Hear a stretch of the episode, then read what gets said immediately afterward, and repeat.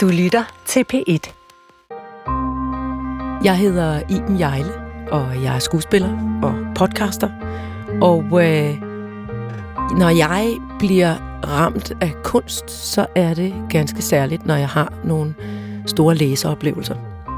Jeg har et øh, livslangt forhold til bøger, kærlighedsforhold til bøger. Jeg er vokset op med øh, forældre, som havde øh, øh sprængfyldte bogreoler. Øhm, jeg er vokset op i Søborg i Gladsaxe Kommune, hvor de havde et meget fint hovedbibliotek, hvor jeg har brugt rigtig mange timer af min barndom. Øh, som barn og ganske ung var jeg en ukritisk læser. Det var, kunne være alt fra Anders, Anders And og til store filosofiske værker. Jeg helt givet var alt for ung til at, til at læse. Øhm, da jeg har været øh, 13-14 år gammel, så begyndte jeg at interessere mig for de bøger, der øh, øh stod i min mors bogreol. Øh, så en dag, da jeg øh, sad og kedede mig og tænkte, hvad skal jeg nu læse? Så øh, sagde min mor, jeg synes, du skal læse den her bog. Og det, er, øh, det var øh, Doyle Willumsens Marie. Og derfor øh, har jeg inviteret dig i dag, Doyle, til at tale med mig om den, fordi det var øh, det er så absolut øh, en af mine aller, aller største læseoplevelser. Øh, så derfor øh, er jeg glad for, at du vil komme her i dag og snakke med mig om bogen, Marie.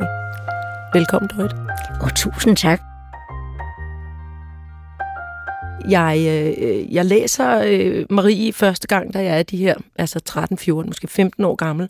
Øh, og jeg tror, at jeg har læst den, altså det er i omegnen af 30-40 gange siden, op igennem mit øh, liv. Ja, det, altså det, er, det synes jeg er fantastisk, og nok noget af det smukkeste, der overhovedet kan ske en skrivende. Nå, det er jeg virkelig glad for, at, at øh, det er jeg glad for, du siger. Jeg har øh, næsten brugt den som sådan en slags øh, øh, sådan op, opslagsværk øh, igennem mit, igennem mit øh, liv. Og øh, jeg har i dag medbragt det eksemplar, som min mor tog ud af reolen og sagde, læs den her bog. Men jeg har sidenhen også hver gang jeg er faldet over den antikvarisk, så har jeg købt den, og jeg har sågar også øh, sagt til, øh, til forskellige antikvariske boghandlere, at de skulle samle dem sammen. Så på et tidspunkt var jeg oppe på at have øh, 12 eksemplarer, som jeg så giver i gave, og så sørger jeg altid lige for at have øh, nogle ekstra til mig selv. Om lidt så vil jeg fortælle, øh, hvad præcis det var i den her læseoplevelse, der ramte mig øh, både første gang jeg læste den, og senere igennem mit liv. Men først så kunne jeg godt tænke mig at spørge dig, hvad er det, der rammer dig i, i, i mødet med kunst, og, og måske eventuelt også, hvad er det for en, hvad, hvad er det for en kunstart, der, sådan, der rammer dig dybest? Øh, ja, det har jo nok især været bøger. Altså, jeg kom fra et hjem, hvor der ikke var sådan reoler helt fulde af bøger. Min mor havde Kai Munk og H.C. Andersen og Holberg. Men det var ikke nogen, vi sådan læste. De stod i den fine stue, men øh, hjemmet og familiejournalen, det holdt vi. Og det hentede jeg en gang om ugen. Og det var meget spændende hver tirsdag. Så snart jeg kunne stave mig igennem det, så læste jeg jo det hele. Både krimier og øh, især de romantiske historier på herregårde med smukke kvinder, der var lige ved at få den forkerte mand, men alligevel blev reddet. Det, det var vidunderligt. Og så, øh, ja, ja, hvis der var en damebrevkasse, læste jeg også det, så jeg vidste meget om, hvad der kunne ske voksne. Mm-hmm. Så du var godt forberedt? Ja, det var jeg. ja. På det værste. På det værste. Men øh, altså øh, også balletter. Altså Neumeyers balletter holder jeg utrolig meget af. Ja. Ja, det er jo rendyrket skønhed. Ja. Og, og dramatisk. Kunne du godt selv uh, have tænkt dig at være uh, balletdanser?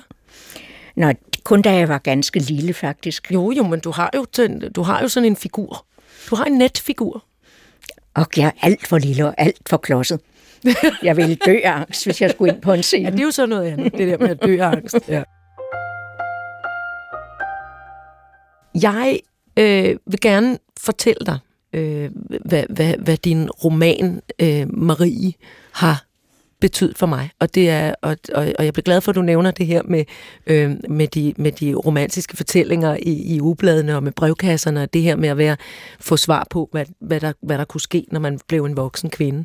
Fordi det er faktisk lidt det, der skete for mig da jeg øh, som, øh, som, som øh, ganske ung, øh, altså som øh, lige sådan i starten af min teenageår, for, for øh, stukket øh, din bog i hånden af min mor.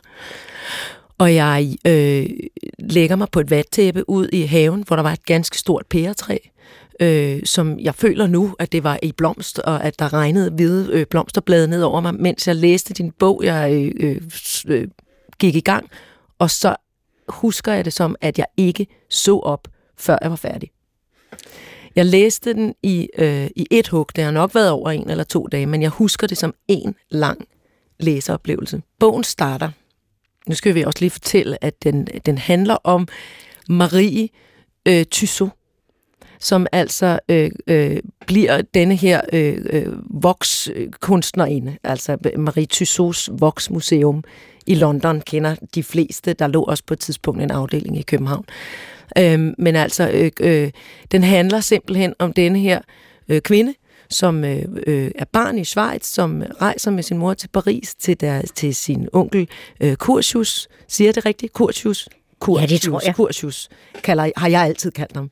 øhm, det har jeg også. Som er, som er vokskunstner i Paris, og øh, Marie kommer i lære der, øh, og kommer med tiden til at overtage hele den her øh, øh, altså voksmuseet og, og øh, altså hele øh, den her business, som hendes onkel Kursius har, har øh, startet, kommer hun til at overtage.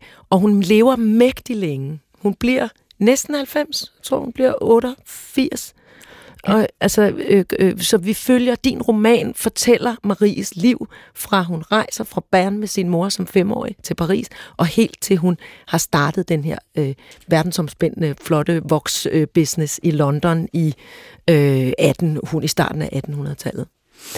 Øhm, og, og det her med, at jeg har altid været øh, meget tiltrukket af historiske øh, fortællinger, romaner. Øhm, og det, som, som du gør i denne her bog, det, øh, det er et fantastisk... Altså, du, du fortæller, i virkeligheden fortæller du en moderne, for mig at se, et, en, en, en sådan et moderne kvindeliv, helt fra barndommen til alderdommen til døden. Øh, øh, fra vugge til grav nærmest. Øh, et moderne kvindeliv, men i en historisk kontekst. Du vælger den her kvinde og fortæller hendes livshistorie, men så, så jeg allerede som, som, som meget ung teenager på en eller anden måde øh, bliver suget ind i det her. Vil du ikke, vil du ikke fortælle mig, øh, hvordan, du får, hvordan du får ideen til at skrive Marie Tussauds historie? Jo, Altså, jeg var med min mand, Jes Ørnsbro, og vores søn i London, og vi var inde og se alle voksfigurerne. Mm. Og der var et par sætninger i guiden, jeg slet ikke kunne få ud af hovedet. Der stod, at hun øh, faktisk havde levet en øh, 7-8 år i Versailles som lærerinde for Louis den 16. lille søster, der også var interesseret i at modellere og male som hobby. Og hun havde kendt og holdt af de mennesker, hvis dødsmasker hun kom til at lave under revolutionen. Mm. Og det kunne jeg slet ikke få ud af hovedet. Jeg tænkte, jamen, hvordan i alverden har hun været? Har hun været iskold og pervers? Hvorfor har hun ikke selv blevet henrettet? Eller har fået et lille nervesammenbrud? Tværtimod, da hun er en moden dame, så rejser hun her til London og får endnu en forretning. Hvordan kan det være gået til? Mm. Og når man ser på hende, hendes sådan i ydre facts, så er det jo et moderne kvindeliv. Hun øh, kommer til Kurtius der som en femårig, og øhm, hun har talent for at modellere. Egentlig er det jo tilfældigt, at hun bliver en så veluddannet ung dame, der gifter sig meget sent. Hun er midt i 30'erne, og det er med en meget yngre mand. Og øhm, hun får to børn, og da den ældste er fem år, så rejser hun til London sammen med ham, og lader den yngste på to blive tilbage hos faren. Mm-hmm. Hun er så både en øh, enlig mor og forsørger, og en kvinde, der har forladt et barn. Mm. Hele sit liv, der kommer hun til at bryde reglerne, både dem samfundet sætter, og dem hun sætter for sig selv. Mm. Da hun får sit første barn, tænker hun, øh, nu kan jeg aldrig mere rejse. En mor kan ikke forlade sit barn, ja. men det kommer hun til. Altså, hvor, hvor, du, er, du er hvor gammel, når, da du skriver den her bog? Det må jeg godt spørge om, ikke også? øh, jo, Ja. jeg er 42, Ja. og øh, egentlig vel også selv i en smule opbrud, Mhm. der så ikke rigtig blev. Mm. Men øh, ja, man har jo mange tanker, og øh, da jeg ikke kunne finde en biografi om øh, Madame Tussauds, så prøvede jeg at forestille mig hendes tid. Jeg levede næsten i den. Jeg gik i genbrugsforretninger og købte sådan lidt tyndslidt silke. Mm-hmm. Også en tynd elfenbensfarvet bluse. Mm. Og min søn stod og kiggede på mig og sagde, mor, har du ikke set at gå i den? ja, ellers ville det jo også være lidt uøkonomisk. Ja. ja. Du bliver en skamplet for hele familien, Jeg og elsker den det, slags det- har jeg også brugt. Ja, det er jo det, fordi nu citerer du jo altså, øh, faktisk også, du, det har du skrevet med ind i bogen, ikke? Ja, det har jeg. Og det er sjovt, synes jeg bare.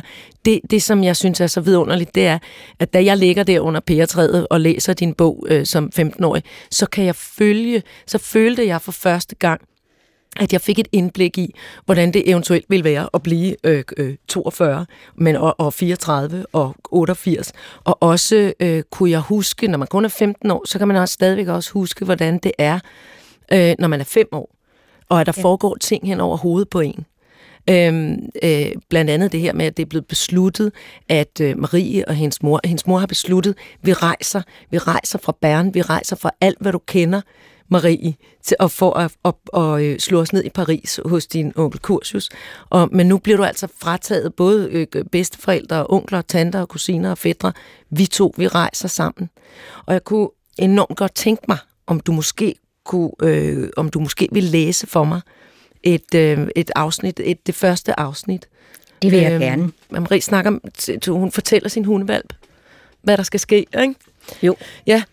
Og det er ikke nemt at forlade en hund. Nej. Marie lægger armen om halsen på hunden og trykker ansigtet ned i den tykke, støvede pels, mens den vrider sig for at komme løs og smækker halen mod hendes kinder. Åh, tossede hund, ja, du forstår ingenting. Du ved ikke engang, hvad der er inde i de vogne, du altid gør af. Der er mennesker på rejse. Mennesker, der ruller væk. Ja, du prøver bare at bide i hjulene. I dag skal du blive inde. Jeg vil ikke have, at du ser mig køre. Du må ikke bjeffe eller bide i mit hjul. Men For jeg er fem år. Alt for stor til at græde, men ikke voksen nok til at besvime. Måske så når vi slet ikke til Paris. Måske bliver vi overfaldet af røver og myrdet. Eller vognen vælter. Ja, jeg hørte dem tale om det helt sagte. Jeg lyttede ved døren. Barnet, sagde mormor, og det lød, som om hun tabte endnu 10 pund. I bliver her, sagde morfar. Bærmors smus, hoveder og kopper. Det var onkel Frans stemme. Men mors stemme var helt blank, som en brodersaks.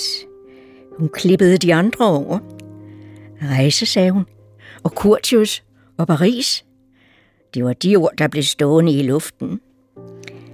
Men hvis min far havde levet, havde det ikke været nødvendigt. Jeg kunne bare blive her og lege.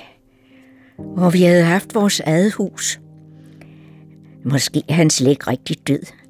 Det er bare noget, de siger, fordi det lyder så sørgeligt og fint. En dag kommer han ridende ned fra bjergene. Hans uniform og seletøj skinner. Han rider ind ad byporten, forbi springvandet og lige hen til vores brønd. Yeah. Så jeg bliver, jeg bliver, og jeg bliver virkelig rørt, fordi det er, det er, øh, det er fantastisk også at, at, at høre dig selv øh, øh, læse de ord, fordi øh, dels sker det, når, når, når jeg læser bogen, at jeg kan huske, hvordan jeg selv også ville tænke og formulere mig, da jeg var fem år. Altså, måske ikke så meget længere, men dengang jeg læste den. Og jeg kan høre, at det, det sker også i din stemme. Og det synes jeg er så fantastisk. Der, der er noget i den, i den her fortælling, som, som, du har, som du har skrevet, som kalder på mig. Og som har kaldt på mig i nogle forskellige øh, øh, tidspunkter af, af mit liv.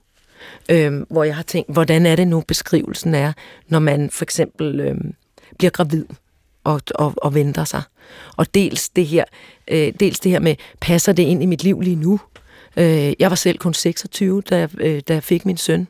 Øh, men, men jeg kunne huske øh, din beskrivelse i, i, i bogen af øh, Maries første graviditet. Dels da hun ser dronningen Marie Antoinette i en af sine graviditeter gå øh, over græsset, øh, en af de smukke plæner i, i, i Versailles, eller Trianon, Petit Trianon, hvor, hun, hvor det så ud som om, at græsset vil sno sig om hendes fødder. Hun, der ellers altid har været så rank og gået så fint, at, at det er ligesom om, at, at altså, græsset vil vælte hende. Og Marie beskriver selv, det er som om, at jeg kan mærke jordens runding under mine ja. fødder, og jeg føler mig, jeg føler mig klodset og, og ude af balance. Og at det, det, altså den her måde, sanserne åbner sig på, når man er, når man er gravid. Og også hele tiden tanken om, øh, hvad er det, hvad skal der ske med mig, når der kommer et barn? Hvad, hvordan, altså, hvordan skal, mit, skal mit liv blive, så kan jeg aldrig rejse, siger Marie. Øh, hvilket hun jo så altså gør alligevel. Øh, øh, så, kan jeg ikke, øh, så kan jeg ikke arbejde det her med, du beskriver meget ofte, at, at Marie er nemlig det her lille spinkle menneske, som også føler sig som en chakal, som jo også er et lille spinkelt rovdyr, ikke? eller ådsleder. Og hun øh, flytter sig, skoene flytter sig som røde rovbiller i græsset. Og den her fart bliver taget af hende, når hun er gravid, og, og, og først når barnet er lille. Ikke? Øhm, og det her med, at hun dels selvfølgelig elsker de her børn, hun får, men at hun også føler, en skamfuldhed omkring, hvornår kan jeg komme på arbejde igen? Jeg keder mig i det her grønne smørhul, som er deres lille landsted, hvor de er med børnene, hende og hendes mand. Ikke? Jeg vil bare ind til byen, jeg vil bare mærke de her våde brosten under fødderne, og ind og skælde min dørmand ud, fordi han ikke har pudset skoene, og passe min, øh, øh, min, mit arbejde, min modellering, og åbne udstillingerne, og sørge for alt det her. Øhm, og det det kan jeg genkende fra mit eget liv. Og det er også derfor, jeg spørger dig, hvor du ligesom sådan selv var henne i dit liv, når du, da du skrev romanen. Og der tænkte jeg på min egen graviditet og på, hvor svært det var at komme til at skrive efter. Fordi tiden jo øhm, blev splittet op i små bitte bidder. Det var ikke særlig meget, jeg lavede i begyndelsen. Og øhm, ja, jeg havde næsten mistet evnen til at strukturere. Det kom så igen. Mm. Håber jeg da.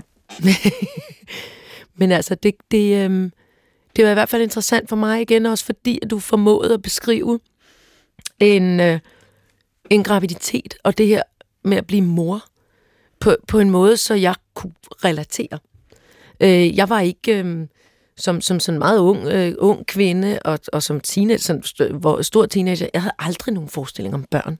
Jeg anede ikke, hvad der var op og ned på. Altså, jeg havde fået en lille søster, også lige på det tidspunkt faktisk, der ja. hvor jeg er 15 år gammel. Der fik jeg en lille søster, som jeg pludselig fik den der umådelige kærlighed til. Altså, jeg var også heldig og fik lov til at være rigtig meget med til hende. Øh, så jeg vidste godt, hvordan det var at elske nogen betingelsesløst. En lille forsvarsløs baby. Men, øh, men at forestille sig, at jeg selv skulle være mor og producere nogen som helst form for børn ud af min krop, det kunne jeg overhovedet ikke forholde mig til. Og det, derfor er det så interessant, at da jeg så, for mig, at da jeg så selv bliver gravid, så tænker jeg, der var noget i den fortælling om Marie Tissot, som jeg lige er nødt til at vende tilbage til. Øhm, øh, og også senere hen det her forfærdelige, som næsten er øh, umuligt at tale om, når man har fået børn, og når man også har haft en karriere oveni, og i, og i mit liv har jeg jo, øh, i mit arbejdsliv har jeg jo rejst rigtig meget. Jeg har også rejst fra min søn, Øh, jeg tror måske det længste, jeg har været væk fra ham, har været sådan øh, af og på i tre måneder, hvor jeg sådan rejste frem, kunne rejse frem og tilbage. Men det her med at føle, at man forlader sit barn, som jo er den mest forbudte øh, øh forældrefølelse i verden, det er det, du kan dø fra et barn, men du kan ikke rejse fra det. Altså, så er det jo et aktivt valg, som jeg også kunne huske fra min egen barndom. Min far rejste øh, øh meget i min, i min tidlige barndom, øh, hvor min mor ligesom løftede det op og gjorde det mindre. Øh, men jeg kan tydeligt huske det der med, hvor, hvorfor må jeg ikke komme med? Og jeg vidste, at min søn højst sandsynligt også havde den øh, følelse. Ikke? Og det, du beskriver med at forlade et barn, og simpelthen og så ovenikøbet heller ikke se sin yngste søn før øh, 20 år efter. Øh, øh, hun rejser frem, da han er to år gammel, med den store dreng, som kun er fire eller fire år. Og så slår de sig ned i London, og så ser hun først den yngste, da han er 22 det vandt pludselig sådan genklang i mig. Altså det her med, hvordan forlader man et barn? Hvad er det for nogle tanker, man gør sig om at være blevet forældre og være blevet bundet af et forældreskab? Og jeg tænker sådan set øh, på mine egne forældre. Min øh, mor og far rejste øh, fra mig, da jeg var der en øh, små tre år. Og øh, min far ville til Berlin for at øh, blive operasanger, og min mor rejste med. Og øh, ja, da så jeg var fire år, så kom min mor tilbage, fordi hun var gravid. Og hun blev så øh, hos mine bedsteforældre og fødte hos dem. Det var under krigen, så det var ikke særlig let. Min far kom for at se min lille søster en enkelt gang, og det gjorde et vældig stærkt indtryk på mig. Og ja, selvfølgelig rejste han jo fra mig igen, men øh, jeg drømte om at blive primaballerina, og han mm-hmm. lærte mig, hvordan jeg kunne trække i mine tæer, mm-hmm. sådan så de eventuelt ville blive stærkere. Og øhm, min mormor brød sig ikke om ham, for han havde jo nærmest altså ruineret min mor, synes hun. Og øhm, hun sagde altså, når du bliver stor nok til at forstå, så skal jeg lære dig at have din far. Nå. Men det, det gjorde jeg jo ikke. Det kan man sådan set ikke få noget barn til. Mm. Nej, det er jo også forbløffende, ikke? Man kan ikke få et barn til, altså uanset om de bliver forladt. Nej. Altså hvor mange gange den der ekstreme loyalitet, altså øh, ja, kærlighedsfølelse, ikke? Ja, altså øh, de forældre, der er rejst væk, det bliver sådan fjerne helte og heldinder. Ja, også dem, der dør ja. for tidligt. Altså, ja. der, der er også noget der. Ja, det er der. At de bliver løftet, man kan løfte dem op til heldinde og heldestatus, ikke? Altså. Ja, jeg synes også, at min mor, da hun kom hjem, hun var den smukkeste dame, jeg havde set mm. nogensinde. Mm. Og jeg havde sådan set, som i bogen, lyst til at neje for hende, ja. hver gang vi gik ja. tur. Det jeg gjorde det faktisk også. Hun bød mig en fransk mandel, og så øh, lavede jeg det der balletnej helt ned, så frakken den fejede brostenen.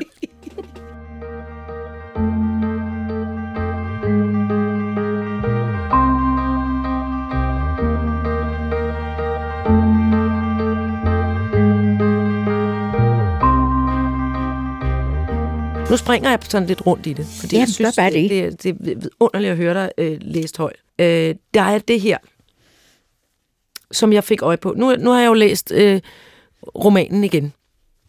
Nu er jeg øh, nu er jeg fyldt 51, og jeg læste romanen igen, øh, dels bare af lyst, men også fordi jeg skulle øh, komme her og, og, og tale med dig. Øh, og så var der et, et, et afsnit, som fangede mit blik og gjorde mig øh, øh, utrolig rørt, som handler om, øh, Marie blev på et tidspunkt i sin, i sin tidlige ungdom, øh, i forbindelse med revolutionen, blev hun fængslet, og, øh, og det gør hun, øh, og det gør hun, fordi hun jo har boet på Versailles i de her små otte år. Øhm, og samtidig er hendes, har hendes onkel, Kurtius, øh, øh, forsøgsvis meget hurtigt gjort sig revolutionær, for ikke at komme i klemme, og, og, og modellere alle de her øh, revolutionshelte nu, og alle skurkene, der har fået hugget hovedet af. Og, øh, og alligevel bliver hun anholdt sammen med sin mor, øh, for måske at være kongetro og smidt i fængsel. Øh, og, og hun øh, efterfølgende jo altså øh, øh, bliver sendt ud øh, sammen med sin onkel tager hun ud, så tager de ud på Madeleine Kirkegården, hvor de læser alle de store kære af med folk, der er blevet halshugget. Øh, og så finder de jo selvfølgelig også en masse mennesker, de har kendt. Hun beskriver, hvordan hun pludselig står med hovedet. Du beskriver, hvordan hun pludselig står med hovedet af en af hofdamerne fra Versailles, som hun har kendt altid, og bliver øh, vildt påvirket af det, men alligevel tager aftrykket den her fornemmelse, som du siger, det her med, at hun føler sig som en chakal, som en ådsleder. Og senere i bogen, øh, der siger hun, øh, øh, så, så fortæller hun om det her, øh, øh, hvor, hvor, om, om hun, altså, har hun været på de onde eller på de gode side? Hvad, hvad er hun for et menneske, som vil øh, tilsidesætte alt åbenbart, for at kunne øh, udstille de her mennesker, tjene nogle penge, altså folk, som hun har været øh, meget tæt på, og folk, som hun har afskyet, men alligevel ophøjer til helte. Vil du ikke, vil du ikke læse det øh, for mig? Der er et afsnit her. Nu til at stille, så læser du. Jo. Hvordan skal jeg vide, om jeg er skyldig eller uskyldig? To vinkler, to lysskær kastet over et menneske, anklagerens og forsvarens, To historier. Jeg kan ikke se mit lille afgrænsede liv i nogen bestemt belysning. Hverken Helenernes rosa eller tyvenes blå. Hvordan skal jeg forklare det?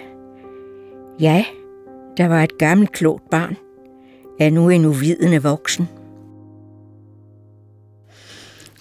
Ja, der, der tænker hun jo over sin rolle. Ja.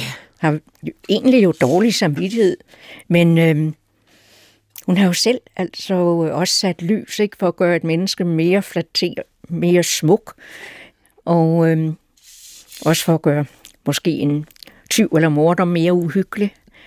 Altså, øhm, faktisk, ja, for hende er det jo et arbejde. Og da hun kommer til øh, London, der er hun jo blevet en noget mere hård forretningskvinde, der ikke spekulerer så meget over det.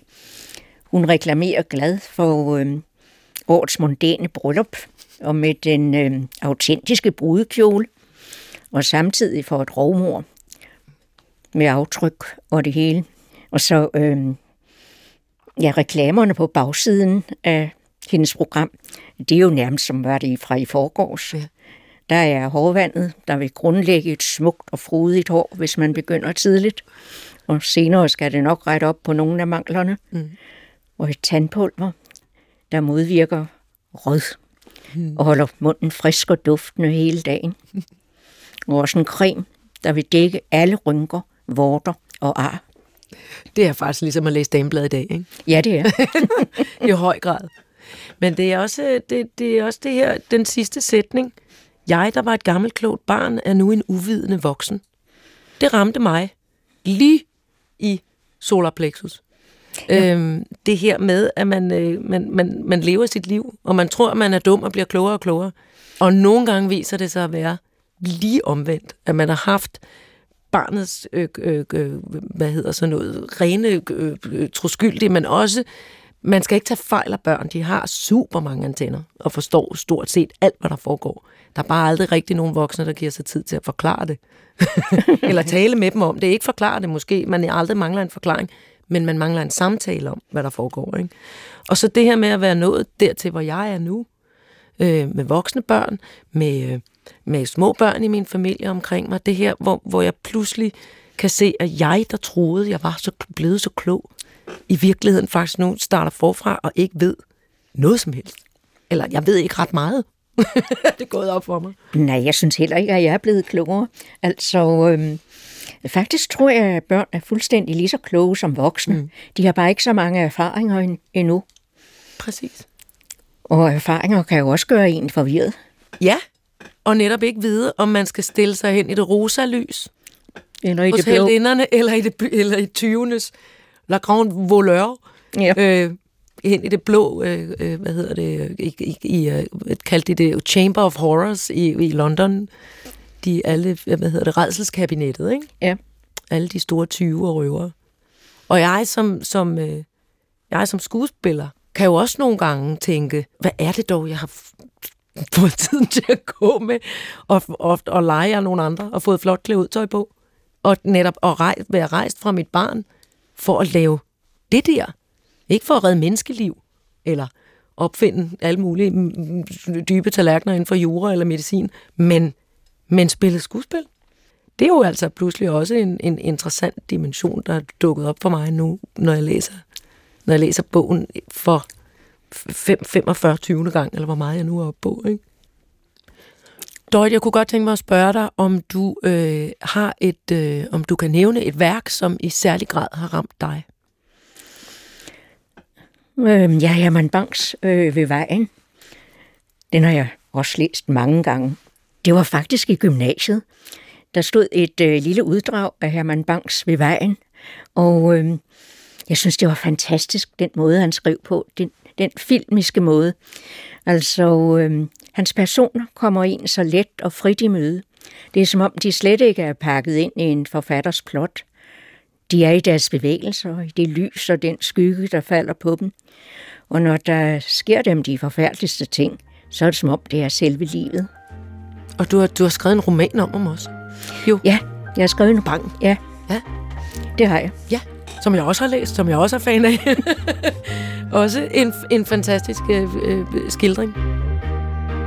Øh, men, men du skal have så utrolig mange tak for, at du, øh, at du vil komme her og, og, og snakke med mig om min, om min yndlingsbog, som du har skrevet, romanen Marie, om Marie Tissot. Og det har været så dejligt at møde dig. Det er jeg rigtig glad for, og i lige måde. Det her var Ramt af kunst. Jeg hedder Iben Jejle, og jeg har haft en samtale med Dorit Willumsen om hendes roman Marie.